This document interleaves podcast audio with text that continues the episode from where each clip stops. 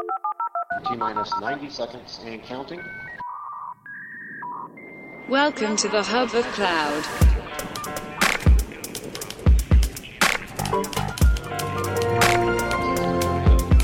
Hallå! Hej Niklas! Hej! Och varmt välkomna alla lyssnare ska ni vara till vår splitter nya podd Cloudpodden. Hur coolt? Ja, det är ju hur coolt som helst. Det ska bli riktigt kul att liksom prata med, med alla gäster och, och Ja. det här är första avsnittet som vi bränner av idag. Äntligen kör vi igång. Vad är Cloudpodden egentligen? Ja, men alltså det är ju en, en podd där vi kommer prata lite grann kring om hur man kan nyttja alla de här fina tjänsterna i, i molnet och hur företagen kan dra nytta av det här för att liksom effektivisera sin verksamhet och liksom maximera outputen på de komponenter som man väljer att lösa. Mm. Det finns ju så otroligt mycket grejer i molnet. Det är ju helt galet. Det är inte bara Exchange online där man kan mejla utan det finns hur mycket funktioner som helst. Eh, säkerhetsfunktioner, chatt och samarbete, produktivitet, eh, servrar, eh, tjänster, allt möjligt. You name it. Ja, Vi kommer helt enkelt grotta ner oss i allt som molnet har att erbjuda. försök i alla fall. Ja. Och Cloudpodden är ju startad av it-företaget Retune där både du och jag jobbar Niklas. Jag jobbar som marknadsansvarig och du jobbar som service developer. Vilka är vi egentligen? Retune. Retune startade ju 2011 på grund av möjligheterna som fanns med molnet. Så man, man skulle kunna säga att vi, vi föddes ur molnet och vi anser ju oss själva egentligen vara det, det första cloudbolaget i Sverige. Många av, av våra konsulter hade ju flyttat upp mycket av, av eh, de tjänsterna som fanns, men vi levererade tjänster väldigt tidigt som var baserade på molnets eh, produkter. Och vem är den här Cloudpodden till för? Det är både högt och lågt. Vi älskar Egentligen ju, alla. Ja, men, Ja. ja. alla skulle jag säga. Men, men framförallt de som har ett intresse av att gå upp till molnet och Mm. som vill dit och vill få reda på hur man kan nyttja de här tjänsterna. För möjligheterna där är ju oändliga och det är Ja. det vi kommer att, att lyfta i våra avsnitt. Yes. Och sen får vi ju inte heller glömma att presentera vår egna lilla digitala poddassistent Luna som Ja, kommer det. att vara med oss i varje avsnitt. Precis. Hej allihopa! Kan inte du presentera dig lite snabbt Luna? Vem är du?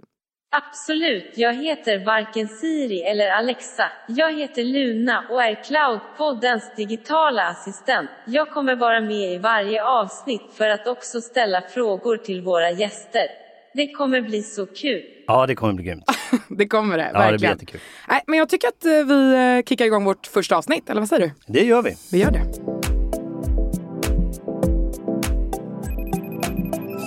Ja, men vi börjar brett och stort direkt tycker jag och kastar oss in i Microsoft 365, dagens ämne. Produktivitetsmolnet som för samman Office-appar med kraftfulla molntjänster, enhetshantering och avancerad säkerhet. Inget litet område egentligen, eller vad säger du Niklas? Nej, det är ju extremt stort egentligen. Många börjar ju egentligen med att, att titta på och flytta över sin, sin mail. Det är kanske ett första steg sådär. Eh, och sen kanske man flyttar över sin Skype eller gamla Lynk eller vad det nu må vara. Men det finns ju så mycket mer. Microsoft 365 är ju egentligen en, en bundling av det som innan var Office 365 och som också var med det som kallas för SPE, alltså Secure and Productive Enterprise. Och det finns ju massa olika licensformer, det finns massa olika komponenter som ingår. Och det här har man då samlat ihop i en svit där man kan dra nytta av olika funktioner. Säkerhet och tjänster och sådana saker. Och vi har ju såklart en gäst med oss också Ja. som kan massvis om dagens ämne. Malin Dandenell från Microsoft, välkommen hit! Tack så mycket. Kul att ha dig här. Du är vår allra första gäst i Cloudpodden också. Hur känns det? Jag känner mig väldigt hedrad.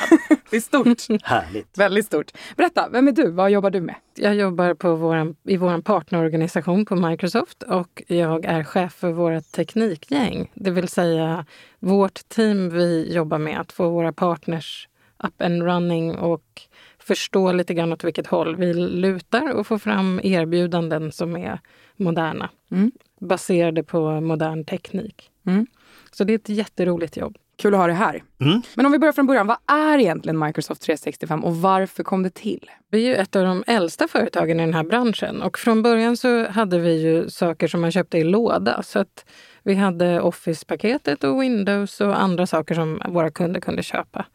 Och det som hände sen, det var att vi såg att marknaden började hyra, alltså köpa på kran som min gamla chef sa. Det vill säga hyra olika tjänster och framförallt på privatsidan. Det vill säga man hade Spotify eller, eller någon annan tjänst som man...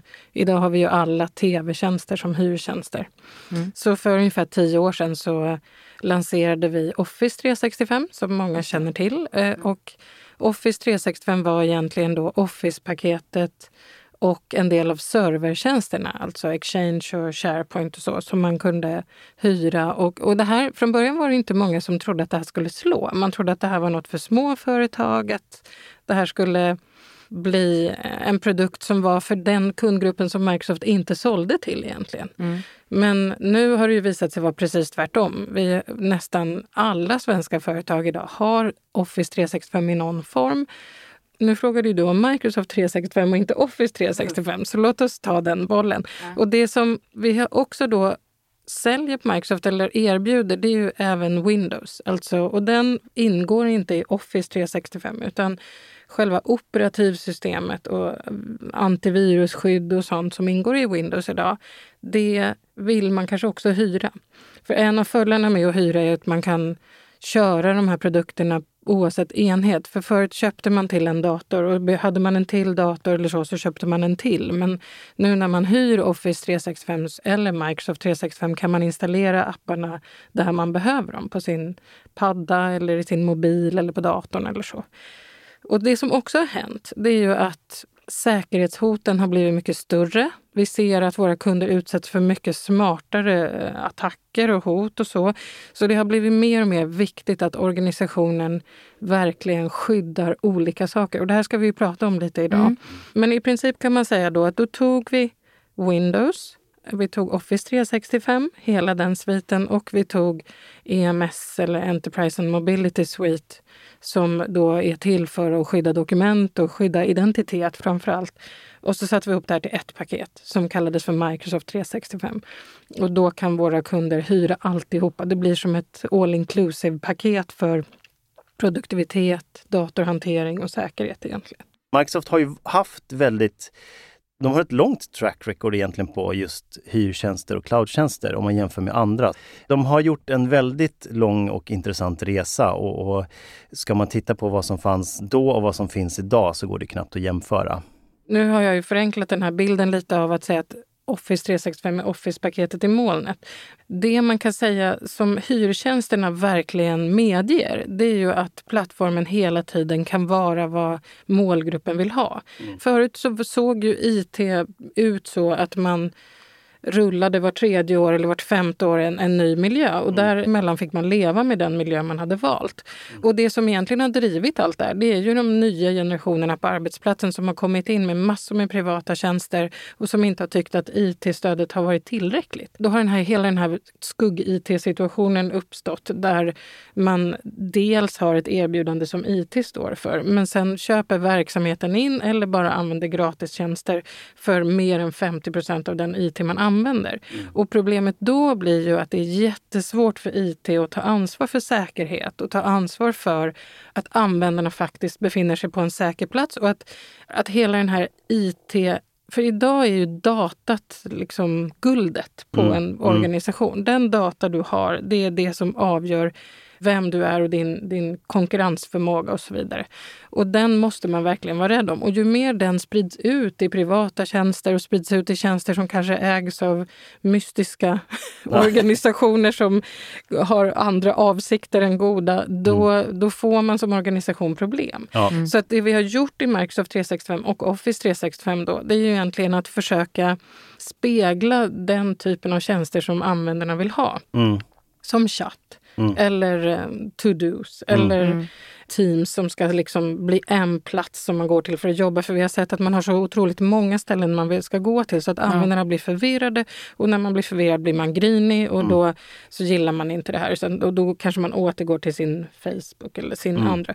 Och det är ju inget fel på den tjänsten men den kanske inte alla de tjänsterna som används kanske inte är avsedda för organisatoriska data. Nej. Nej precis och, och framförallt så blir det ett väldigt hattande. Jag älskar ju Teams, det är typ det bästa jag vet. Jag ser det som mitt go-to workspace varje dag. Där går jag in varje morgon, stämmer av allting, kanske har något möte, gör någonting, går in på vårt intranät, kollar, har det dykt upp någonting där? Går in i något annat system och liksom interaktionen och integrationsmöjligheterna och de applikationer som finns tillgängliga i App Store för Teams gör ju att man behöver ju inte lämna Teams på en hel dag i stort sett för att utföra hela sitt arbete. Eh, det är klart, sitter man i någon gammal legacy-app som man måste köra via någon klient och sådär. Men det, det är navet, hubben i hela Microsoft 365, men även för tredjepartskomponenter så långt det finns tillgängligt i App Store. Det som du eh, belyste här också som är viktigt är ju att, att minimera skugg-IT. Vi, vi, vi har varit ute och, och gjort massor med sådana här analyser på företag och in, intervjuat eh, avdelningar där de har hittat egna arbetssätt för de tycker att IT tillhandahåller inte rätt verktyg för att vi ska kunna vara produktiva eller effektiva för att dela filer eller för att ha online-möten. Eller sånt. Och då hittar man någonting eget och då börjar informationen att liksom flöda mellan det man har kontroll på och det man inte har kontroll på och vips så står man där med och har sålt sin eh, kanske kundstock till någon på internet. Om vi går in på fördelarna med Microsoft 365 för företag, vad skulle du vilja lyfta då? En av fördelarna är att vi försöker samla allting, till exempel Teams som vi pratade om här. Avsikten med Teams är ju att samla de saker du behöver jobba med på en plats. Så egentligen är Teams som ett tomt paraply som du fyller med de delar av Office eller Microsoft 365 som du vill komma åt plus andra tjänster. Vi vill förbättra samarbetet i organisationen och, och det finns olika sätt att göra det. Så att många av våra kunder idag som om du har en, säg, du har, kanske har en butikskedja eller du jobb, har en fabrik som tillverkar något, då kan det fortfarande vara så att du har en stor del av organisationen som är utanför den levererade IT-miljön. Och idag ser vi att det finns ett stort behov av kommunikation och informationsspridning. Och De gamla intranäten kanske inte längre fyller samma behov som tidigare utan man har ett behov av att nå alla och det ska gå snabbt. Och man vill integrera hela organisationen. Och det kan man ju göra då med en särskild Microsoft 365 som är till bara för att användas mobilt. Och, och mycket fokuserad på samarbete eller collaboration som vi säger. Sen ett annat behov som vi vill att den här plattformen ska fylla det är att en stor plats för förbättring som finns hos organisationerna det är att våra processer inte hänger ihop. Ofta har vi separata öar med system och så fort vi ska göra något där de ska samarbeta så kanske vi bygger till system. Så att som individ i en stor organisation idag så är du förmodligen störd på hur mycket olika verktyg du måste jobba med så att säga, för att få din dag att gå. Så att någonting vi ser som växer på, på den här plattformen och det är de här produkterna som är till för att samla ihop datat och leverera på ett enkelt sätt och, och få de här processerna lite mer strömlinjeformade och enkla. Och det kan man ju göra med, med Power Automate eller Power Platform och så vidare. Och sen är något som jag brinner jättemycket för, det är ju vår säkerhetsplattform. Det vill säga, den börjar bli så himla fin nu. Ja, Och den, pratas mycket om det faktiskt. Ja, det här med säkerhet är ett väldigt känsligt ämne. Det är någon som måste sätta sitt huvud på spel så att säga när man byter säkerhet eller tar ställning till säkerhet. Så det här är ju ett område där våra kunder har varit försiktiga men nu börjar vi verkligen se att man tar stegen in till att jobba med säkerhet. Och GDPR trodde vi skulle vara en stor möjliggörare för säkerhet men det var många som inte hann hela vägen utan i GDPR-arbetet så började man räkna allt som man behövde säkra. Men det återstår fortfarande ett stort arbete för många av våra kunder i att börja klassificera datat, att kryptera datat som GDPR faktiskt kräver av oss. Och Allt det där går att göra i Microsoft 365. Så det finns oändliga möjligheter att få kontroll, som du var inne på. Se över datat och även lyfta in gammal data och, och selektera i den. Så det är en jättefin miljö, Microsoft 365. Och det är lite som du var inne på också, att vi, man man behöver förstå den här miljön. För att för många betalar ju för alltihop, eller åtminstone en stor del, men man utnyttjar inte riktigt allt. Och ju längre man, man tar sig den, på den trappan, desto roligare och trevligare liv kommer man att ha i den här plattformen. Vad tror du Niklas, hur, vad är det många företag missar, tror du, som man liksom inte vet finns i den här miljön? Jag tror att initialt sett så tittar man på Microsoft 365 som en möjliggörare att faktiskt kunna skapa det här nya arbetssättet. Men det som händer tror jag är att man liksom tacklar av efter att man har onboardat den här första funktionen eller andra funktionen. För många tycker att så här, men mejlen är det som, det som är det mest kritiska i, i vår verksamhet och det är det för väldigt många verksamheter. Men Teams och, och Exchange brukar vara det första som man kanske går in i på något sätt. Och sen börjar det tackla av. Man liksom tittar inte vidare på saker och ting. Man tycker att så här, men SharePoint online, varför ska vi gå till det? Vi har en SharePoint on-prem. Mm. Vi tycker att den fungerar jättebra. Vi kanske har någon gammal app i SharePoint som inte lirar online och så låter man det vara. Och sen så tänker man så här, men vi har ju antivirusskydd från de här stora stora drakarna. De är jättebra och, och vi har ju en brandvägg och vi har ju, vi, nej men vi behöver inte. Men det är bra att vi, vi har mail och Teams, det är superbra. Och så kör man någon sån här Microsoft 365 Enterprise E3 eller E5-licens och så missar man det andra som är liksom det som är kanske 80 av, av det viktiga som handlar om säkerhet framför allt men också att du kan automatisera processer, du mm. kan liksom göra saker och ting mycket enklare. Du kan flytta ut eh, till exempel eh, apputveckling för att kunna effektivisera saker och ting med, med, med hjälp av Power Platform. Precis. Och sen är det ju väldigt många som sitter i, i system också som visualiserar data. Alltså jag ska inte säga några namn. Det finns jättemånga sådana som hämtar data från, från en databas eller, eller en Excel-ark och sen visualiserar det. Och det har man också tillgång till i Microsoft 365 och det är väldigt enkelt. Jag tror ju att hela det här drivet stannar av på grund av att eh, de personer som sitter i ledningen på många av företagen inte förstår vilka möjligheter som finns. Det finns ingen som har berättat för dem vad som kommer att bli möjligt och målat upp bilden för dem.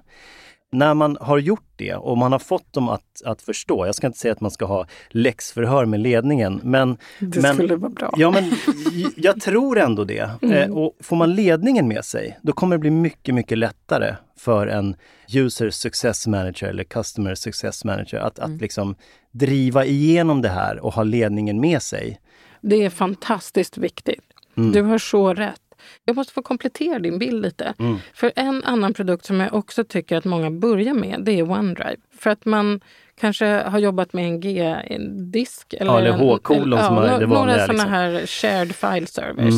Mm. Uh, och så skaffar man OneDrive för att ge användarna möjlighet att dela externt. Mm. För, och den känner man att den är relativt enkel mm. och standalone att hantera man mäktar inte riktigt med SharePoint online mm. och, utan stannar där. Och problemet då blir att man underskattar sina användares kreativa förmåga mm. så att många användare börjar bygga upp då gemensamma platser i sin privata OneDrive. Och det där blir ett problem, för när mm. folk sen slutar då försvinner, försvinner ibland ja, hela marknadsavdelningens datamängd mm. eller vad det nu kan vara som man har lagt där. Och det där har jag sett flera gånger. Så en ödmjuk bedjan då till er som rullar OneDrive. Överväg hur ni ska hantera gemensamma filer. Mm. Så tänk så här, data som bara jag äger, som inte spelar någon roll om jag slutar, lägg den i OneDrive. Data som tillhör organisationen. Mm och ska leva kvar oavsett om jag finns där eller inte. Den ska ligga på en gemensam plats. Och det blir ju SharePoint då i någon form. Det kan ju mm. vara en SharePoint on-premise också på sätt och vis. Eller genom Teams som ju faktiskt lägger saker i SharePoint. Mm. Men man vill fundera på helheten på dokumentlagringen när man mm. går in i OneDrive också.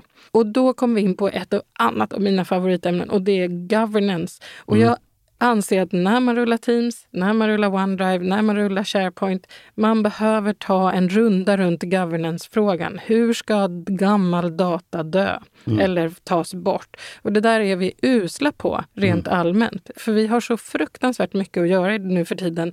Så vi orkar inte rensa mejlen längre som vi mm. gjorde förr. Vi orkar inte rensa någonstans. Så vi rensar ingenstans. Så mer och mer krävs det att datarensning sker med automatik. Mm. Att den kanske temporärlagras i några några år någonstans för att sen liksom försvinna vidare. Mm. Och tar man det jobbet, då kommer man att bli älskad. Mm. Och det, det, det, är verkligen så. Så ta hjälp av din partner, i det här fallet Retune till exempel. och om du tycker att, att det här är jobbigt, för det gör alla. Det här är jobbigt och ja. tråkigt och inte kul. Och det är jättesvårt att få folk att rensa och ens besluta hur rensning ska ske. Men det är något man har igen tiofalt om man ger sig in på den bollen. Jag håller helt med. Det finns ju IT-strategier och IT-policies ute på bolagen och jag tror att man skulle i stort sett kunna återanvända dem till kanske 60, 50-60 procent i alla fall. Så man behöver inte börja om från början bara för att man har gått till Microsoft 365, utan man behöver komplettera. Och då måste man titta på, okej, okay, vad är det vi behöver komplettera med i de här nya tjänsterna? Och hur kan vi använda det här verktyget för att komplettera oss i Ja, vårt sätt att arbeta? Det här är egentligen inget som har med Microsoft 365 Nej, att göra alls. nej. Det spelar ju ingen roll om du lagrar på din gamla Det är common sense eller och liksom Ja. strategi och vision och policy som gäller. Exakt, det är bara det att vår datamängd dubbleras vart, vart femte år eller vad det nu är, eller Ja. tredje eller något sånt. Så, att, så att rent allmänt är ju det här, fin, är det här ett stort problem nu. Och när vi pratar verktyg för företag, Niklas du nämnde ju Power Platform för att automatisera processer. Vi har pratat Power Apps för att skapa appar. Det finns ju massvis med olika verktyg. Finns det fler som du skulle vilja tipsa om som finns i Microsoft 365 som man bör titta på? Ja, vi har ju dels de verktyg som verkligen är verktyg som Teams och Power Automate och Stream till exempel. För de är videolagringen, den är ju jätte, jättebra. Vi håller ju på att lansera nu möjlighet till lite videoredigering i Stream och det är ju någonting vi alla ser fram emot att det ska komma. Men jag skulle vilja slå ett slag för de här tjänsterna som lite grann tittar hur du jobbar. Så till exempel finns det en tjänst som heter Secure Score som i Microsoft 365 där du som administratör kan få en poäng. Så att säga. Hur mycket har jag implementerat av mina säkerhetstjänster? Det går att koppla in andra än våra där så att det här scoret blir rätt. Så att säga. För du kanske inte bara använder Microsoft-tjänster. Och vi har också en compliance score nu som gör det möjligt att titta hur bra är jag ur ett GDPR-perspektiv. Det är även på väg till Teams, om den inte redan finns, en, en collaboration score, det vill säga hur bra är vi på samarbete. Så att de här tjänsterna är till för att väcka medvetenhet hos mig som organisation. Vad behöver vi ta tag i? Och det är inte så att man måste göra alla de här grejerna, man, men man kan gå dit och titta och så får man lite förslag på hur kan vi bli bättre på det här området eller det här. Så har man inte sett dem, jätteenkla att använda. Det finns också så att säga branschscores där man kan säga att i min bransch så ligger jag över eller under standard och, och så vidare. Ja, och en grej till som jag måste få nämna. Vi har ju en tjänst som heter My Analytics. Egentligen har vi ju flera Analytics-tjänster, apropå produktivitet. Den har varit en tilläggsprodukt men ingår nu i Microsoft 365 E3 som är den vanligaste versionen. Och My Analytics den tittar lite grann på hur produktiv är jag, hur mycket gör jag fel saker i möten som mejlar andra och liksom hur mycket jobbar jag på kvällarna. Och, och så kommer den med vänliga förslag till mig. Den här är ju inget som någon annan ser utan den är bara kopplad till mig. Men min My Analytics har också en Cortana, alltså våran assistent som hjälper mig. Som jag. Ja men exakt! Och här om månaden så sa min My Analytics till mig så här. Den bara, "Du, Malin, du ser ut att ha väldigt mycket möten i din kalender. Ska jag boka in lite fokustid? Och jag är kass på att boka in fokustid själv. Jag tar varenda minut som finns i kalendern och sen sitter jag på kvällarna och läser mejl och har ångest över att jag är på fel plats. Så jag sa ja tack och då la den in några två timmars block i min kalender och när de kom, jag kände mig så tacksam. Jag bara, åh jag har tid när jag kan läsa mejl och jag har tid när jag kan svara på de där chattarna som jag inte har svarat på. Och sen veckan efter, då sa den till mig så här, Malin, så den, vill du att jag ska fortsätta göra det här framåt också? Och jag bara ja. Och nu har jag det här, jag, nu har jag haft det ett par månader. Och det är så himla praktiskt för den ligger där och skapar lite luft i min kalender och gör att jag kan ha ett Härligt. liv faktiskt. Så att My Analytics, min favoritvän. Låter coolt. Jag skulle vilja träffa Cortana. Vi kanske kan ordna det Luna. Vi fixar det. Du lyssnar på Cloudpodden. Du kom ju in lite där på den vanligaste planen Microsoft 365 E3. Vad ingår egentligen? I E3 så får du då Windows-paketet. Du får eh, EMS som innehåller Active Directory och Azure Information Protection och, och Intune. Det vill säga egentligen mest manageringsverktyg för att managera mobiler och, och säkra data och så. I princip allt som ingår i EMS behöver vi ITs hjälp för att sätta upp och, och jobba med. Men för dig som använder, då får man ju Office-paketet, man får eh, Teams om man inte anser att det ingår i Office-paketet. Och då blir det ju Word, Excel, PowerPoint, OneNote. Precis. Man får möjlighet att använda OneDrive och SharePoint för lagring. Mm. Eh, och sen har vi ju lite nyare tjänster då som Planner som är en sån här kanban-board. Och Planner hålls nu, ju nu på att slås ihop med To-Do som ju är vår uppgiftslista egentligen och den ingår ju också nu. Och sen har vi den här Power Apps där jag kan bygga egna appar egentligen utan att kunna koda. Mm.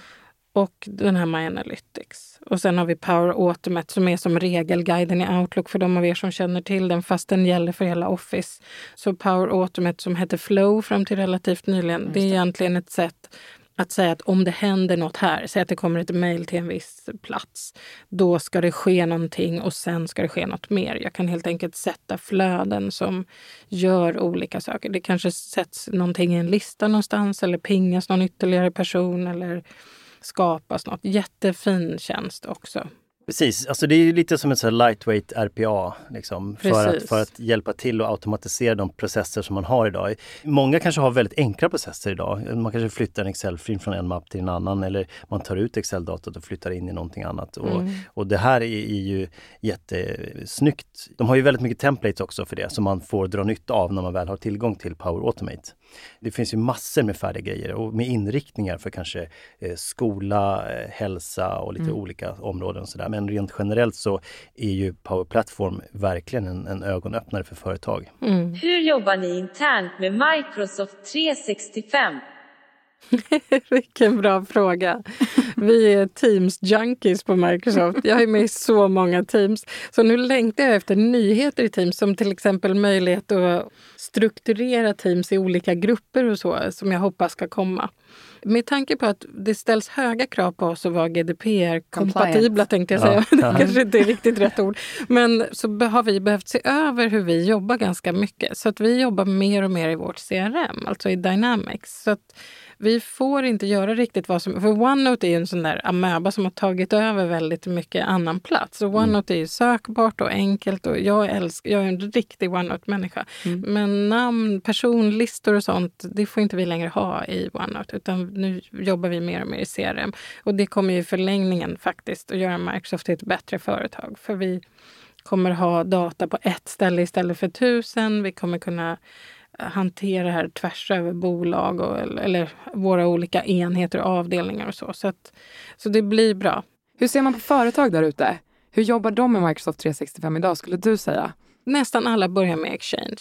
Sen skaffade de Skype och det är ju nu Teams. Och sen så gick man, tog man OneDrive och där någonstans så uppstod en viss avmattning. Men idag ser vi ett jättestarkt intresse för Windows, olika varianter på Windows-utrullning, att få med den automatiskt. Vi ser mycket högre mobilanvändning än förut. Även att man slår på en del av de här säkerhetsfunktionerna som Office 365 ATP och så för att skydda användarna från, från sig själva. Det vill säga att man klickar på länkar eller bifogade filer eller så som kanske ser helt bra ut. För idag, är- det är så smart idag, attackerna, så att det är jättesvårt för dig som användare att vara on top of it hela tiden. Så det behövs många gånger rätt smarta tjänster för att hjälpa oss att inte hamna i obehagliga situationer. Det är rätt kul ändå att du nämnde det här med, med länkarna i, i mail. Det finns ju även den här Office 365 ATP som, som egentligen skyddar Office 365-komponenterna också från i, i stort sett samma saker. Många har blivit, varit lite rädda för att man flyttar in konversationer med, med andra företag och att man, man kan bli hijackad på något sätt. Det är en extremt stor säkerhetskomponent i Microsoft 365, en, Ja. en jätteapparat som är eh, väldigt viktig att förstå och att implementera på rätt sätt för att få det säkert. Det man vill med, med säkerhet i, i Microsoft 365, tror jag, och det jag upplevt och med de jag har pratat med, är ju att man ska ju egentligen göra säkerheten osynlig för slutanvändaren. De ska inte behöva tänka, utan de ska vara kreativa, produktiva och utföra sitt vanliga arbete utan att behöva tänka på, okej, kan jag klicka på den här länken? För Det hämmar ju kreativiteten och att man vågar göra saker och ting, att man vågar utan det, det är ITs ansvar egentligen, eller, eller företagets ansvar egentligen, att se till att de som jobbar där ute eh, ska vara säkra. Lyssnar på Cloudpodden. Om vi går in på licenser då. Mm. Vad är det vanligaste avtalet att köpa Microsoft 365 på? Är det CSP eller EA? Ja, det här var ju en spännande fråga. Mm. Den får inte jag svara på. Nej. Enterprise Agreement, som har varit en, ett ganska klassiskt avtal, det är ju bra för många företag. Men vi ser den här nya licensmodellen, alltså CSP, som du köper direkt av din partner. Den växer väldigt mycket. Och anledningen till att den växer det är att den ger lite större frihet till kunden. Du behöver inte vara lika många för att få ett sånt avtal. Du behöver inte köpa luftlicenser så att säga. Som Nej. Du kan höja och sänka licensmängden på CSP. så att du kan... För vissa av våra kunder har ju olika mycket anställda baserat på tidpunkt på året. Det kan vara säsongsanställda och då kan det vara jättebra att ha ett CSP-avtal med din partner som ger dig möjlighet att slå på och av månadsvis hur många du vill ha. Har man hög personalomsättning, vilket kan vara bra för många och kanske sämre för, för andra, men då har man i alla fall flexibiliteten att följa de här eh, topparna och dalarna, så att säga. Precis. Vilket man inte har i ett Enterprise Agreement, där man har ett minimumavtal och sen så har man, har man eh, skrivit avtalet på x antal år. Sen är ju ett CSP som det låter, det är ett cloud-avtal. Så att CSP är till för att köpa cloudtjänster. Och det är ju vad de flesta köper nu. Sen kanske de använder tjänsterna lite mer on-premise ibland. Men Enterprise Agreement-avtalet kan du både ha cloudtjänster och andra tjänster på. Men för de allra flesta företag, för många företag så, så är det här helt valfritt. Man gör det som passar en bäst. Och många av våra partners har ju gjort egna licensbundlingar. Det vill säga att man säljer både Microsoft 365 plus kanske supporttjänster som är bättre än de standardtjänster vi har. Som, eller ligger närmare kundens behov eller, eller så. Så, att, så idén med CSP är egentligen att man, våra partners ska kunna ta Microsoft 365, eh, sälja det direkt till sina kunder och tjäna pengar. Och sen så kan de också bygga en, en kringtjänst runt omkring för att göra ett ännu coolare paket till sina kunder egentligen. Och jag tror att det kommer bli mycket mer vanligt här framöver när vi går över till Newcomers Experience. Eh, där, där priserna egentligen kommer bli flat Ja. för, för alla licenser. Och där handlar det egentligen om för alla partners att tävla om, om kundernas eh, uppmärksamhet, att, att ha de coolaste och häftigaste och bästa tjänsterna som, som passar just det företaget. Det är också någonting som man bör hålla koll på här framöver, är när ens partner går över till eh, Newcomers Experience. Mm. För du står ju på CSP-sidan, Niklas. Både ja och nej. EA passar ju stora företag och du kan lägga alla dina licenser i samma avtalskorg. Förut så var gränsen 250 användare och sen så finns det vissa avstickare ändå som man kan göra om man, om man har, alltså besitter andra typer av licenser och omfång och sådär. Så då kan man ändå gå in i ett EA. Men nu när gränsen är 500, då kan du fortfarande ha de här andra tilläggen som gör att du kan få kliva in i ett EA. Men de ökar hela tiden eh, den här eh, gränsen för vart man går in och ställer högre krav på, på Enterprise Agreement-kunder. Företagen idag, de eh, ligger runt 200 och då blåser man ju ganska mycket luft lite beroende på hur många man har varit innan och sådana saker, vilka saker man måste köpa in i ett EA och sådana saker. Då blir det mycket mer flexibelt i ett CSP. Plus att de här mindre företagen som går in och köper tjänster egentligen, eh, säg att man vill, vill räkna på budget vad en användare kostar att anställa, så blir CSP mycket mer tydligt att en licens kostar så här mycket, en dator kostar så här mycket och då får de mail och de får Teams och de får Power Automate och de får de här grejerna. De får hela det här paketet så det blir mycket lättare att paketera tjänster kring en CSP-licens. Snarare än att okej, nu måste vi titta på vad har vi för overheadkostnader i, i vårt EA och så måste man sluta på alla användare så blir det jättedyrt. Samtidigt som man kanske får andra typer av rabatter från Microsoft när det kommer till ett Enterprise Agreement. Men vi ska inte gräva för djupt i det där. Avtalsdelen är ju inte det roliga i, i Microsoft 365. Men ROI är ganska kul. Hur ska, Ja, man det. tänka, hur ska man tänka som företag där när man köper eh, en Microsoft 365-licenser? Men det finns ju en Office 365 Calculator som går att Exakt. räkna med. Och den är tillgänglig för oss på Microsoft, den är tillgänglig för våra partners. Så om du vill fundera över, så att säga, är det värt att ta steget in i molnet? Hur, kommer vi tjäna på det här? Då kan man använda den här Office 365 Calculator för att göra en, se, se en bild av var ökar vi kostnader, var minskar vi kostnader och vad blir totalen? För det, det, alltid när man byter en tjänst så blir det en instegskostnad. Mm, men på ett antal år så är det väldigt ofta man tjänar på att gå mm. till cloud.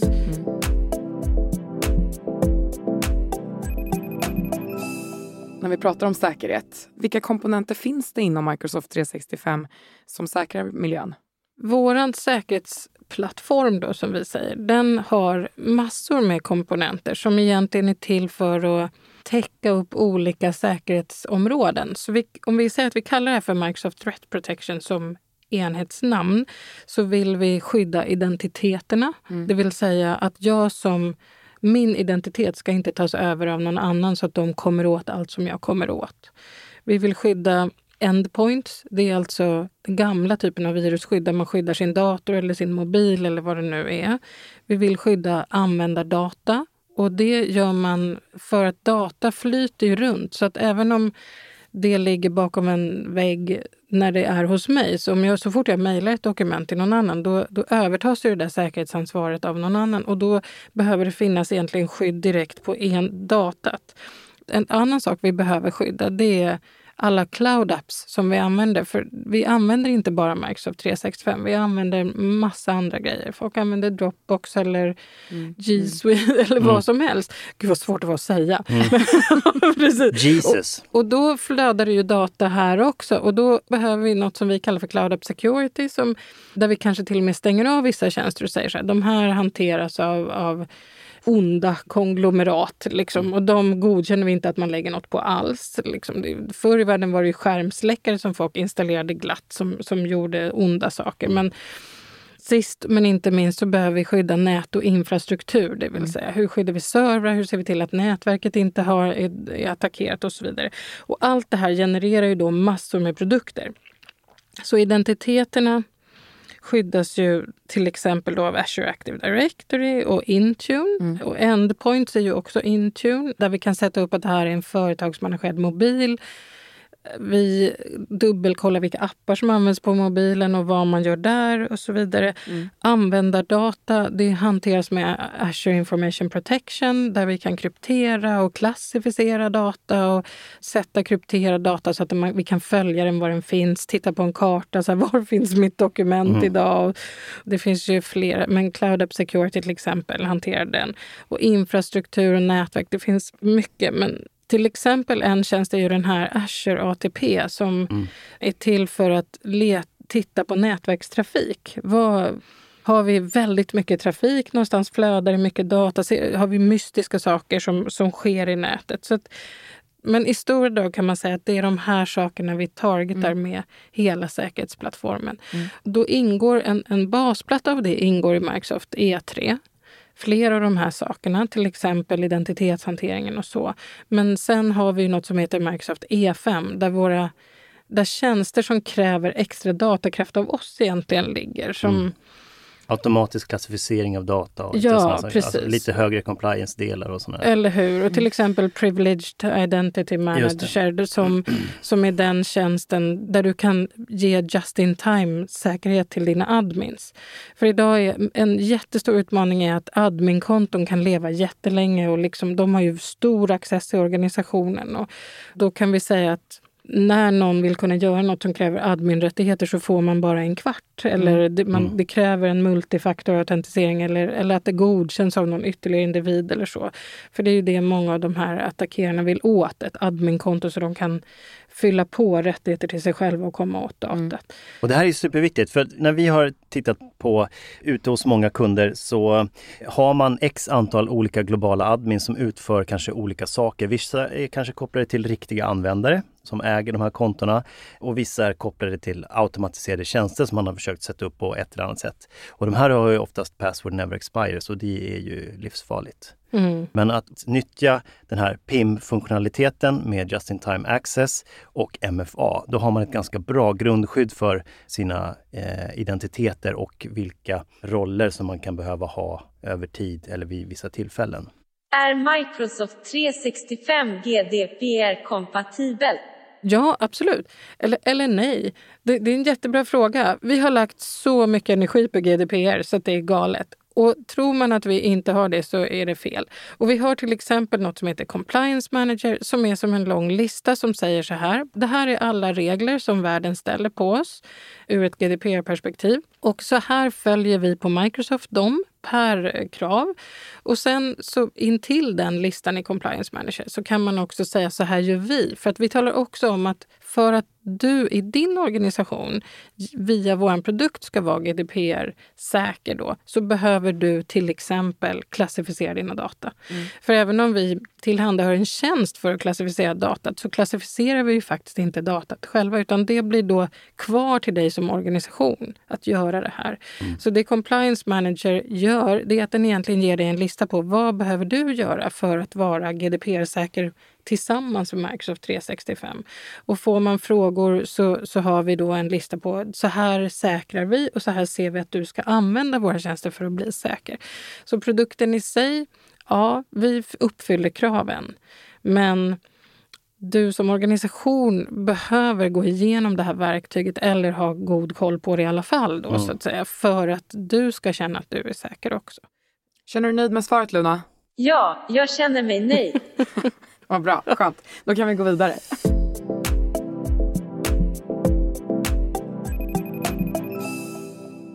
För vem passar Microsoft 365? Liksom, hur ser den vanligaste kunden ut? Den vanligaste användaren är det vi kallar för information workers. Mm. Alltså människor som sitter som skapar eller jobbar med IT och behöver bygga saker inom IT eller samarbeta med andra. Men nu stretchar vi det här lite grann och, mm. och hittar nya kunder som vi var inne på, till exempel i, hos butiksanställda eller så. Och även finans kryper ju in i den här plattformen också sakta men säkert. Men vi har ju ofantligt mycket kunder som använder den här plattformen, mm. högt och lågt egentligen. Mm. Om man nu vill skaffa Microsoft 365, Niklas, vad gör man? Ja, det är inte så himla svårt. Man pratar antingen med den som har hand om, eh, sitter man i ett EA så pratar man med sin LSP eh, och det finns ju ett antal stycken i världen. Eh, inte så många men ett par. Eller så går man till ett företag som är CSB-partner och kan återförsälja CSB-licenser. Och sen är man igång. Mm. Enkelt. Ja, det är jätteenkelt. Så när man väl är igång med Microsoft 365, vilka liksom steg ska man ta för att snabbt få ett värde av det här? Har ni några bra tips konkreta? Jag har en bestämd åsikt. Ja. Om man köper mer än 50 licenser av Microsoft 365 eller 150 om det är EMS tror jag, det här kan ändra sig lite då och då, så ändå de flesta gör. Då har man tillgång till Fast Track. Och Fast Track är Microsofts plattform för att komma igång med Fast Track till molnet. Och, och i Fast Track så har vi några olika saker. Vi har en del, som är den första delen, där man utvärderar vad man vill göra. Nu har vi skaffat den här plattformen. Vilket är viktigast? Och då skapar man något som har hetat en success plan. Jag tror det heter någonting nytt nu. Men i princip så gör man en planering. Man säger vi vill ha bättre kommunikation. Det ska vara klart då. Och sen säger man vi vill göra det här, det ska vara klart då. Och det här gör man med fördel tillsammans med sin partner. Vilken produkt är, är din favorit Niklas i Microsoft 365? Jag kommer svara Teams, men jag vill hellre in åt säkerhetshållet. Men jag älskar ju Teams. Mm. Det är det bästa jag vet. Tillsammans med Power Automate. Du då Malin? För min e mitt eget personliga bruk, OneNote. Mm. För gruppens Teams. För organisationen. Ja, men då säger jag Azure Information Protection för att hantera datat. Mm. Ja. Jag tog hon med säkerhetsdelen där. Ja, men jag, har, jag, har, jag har några tillägg. Och när vi pratar ju om nyheter, finns det något annat som du kan avslöja idag som är på gång? Problemet är att även vi som jobbar på Microsoft, vi får nyheter väldigt sent. Uh.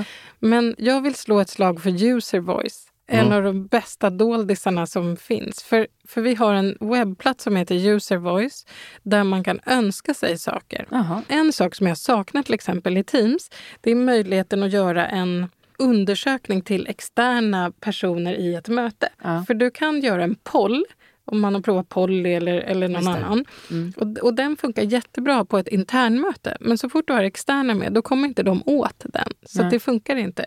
Och någonting som gör ett möte ganska roligt när du ska ha kurser eller så, det är möjligheten till att använda såna här pollverktyg eller så, mm. göra, ställa frågor och sådär. Och det här önskar jag mig. Och då finns det något som heter user voice. Och på user voice så har just den här funktionen just nu 955 votes. Det gör att den är med på första sidan av önskningar för just meetings. Jag, jag gjorde en liten specialrest. Jag gick ut i vårt partnernätverk och sa så här, snälla kan ni hjälpa mig att rösta på den här? Och sen gick jag ut på LinkedIn och sa, snälla hjälp mig att rösta. Jag var en av dem som röstade. Tack så mycket. Ja, för då är det faktiskt, den har gått upp över 200 röster sedan jag frågade frågan. Det är så att vi tar all utveckling på, för Microsoft 365, eller mycket av vår utveckling tar vi från User Voice. Mm. Så vill man se vad som är på väg att komma, då kan man gå in på User Voice och tittar man på de som har flest Top votes. rated, liksom. Ja, eller top voted. Ja, för där ser man vad vi planerar att sätta igång med, vad vi har beslutat att sätta igång med och så, och så vidare. Och ibland är det så, för då har vi en internlista egentligen på Microsoft som är här är saker vi ska göra. Och den justeras ibland om det är någonting som plötsligt åker upp. Så nu när, när eh, den här fruktansvärda sjukdomen styr över oss eh, så har ju Teams, flera Teams-funktioner verkligen accelererat för att de har behövts. Så den här Raise your hand till exempel som precis har kommit, den hade förmodligen inte kommit så här snabbt. Eller att vi har nio rutor och snart ska ha eh, obegränsad rutmängd på videoströmmar. Så att, eh, Eller vad det nu kan vara. Bra tips. Plus vår roadmap förstås. Låter coolt. Det var det.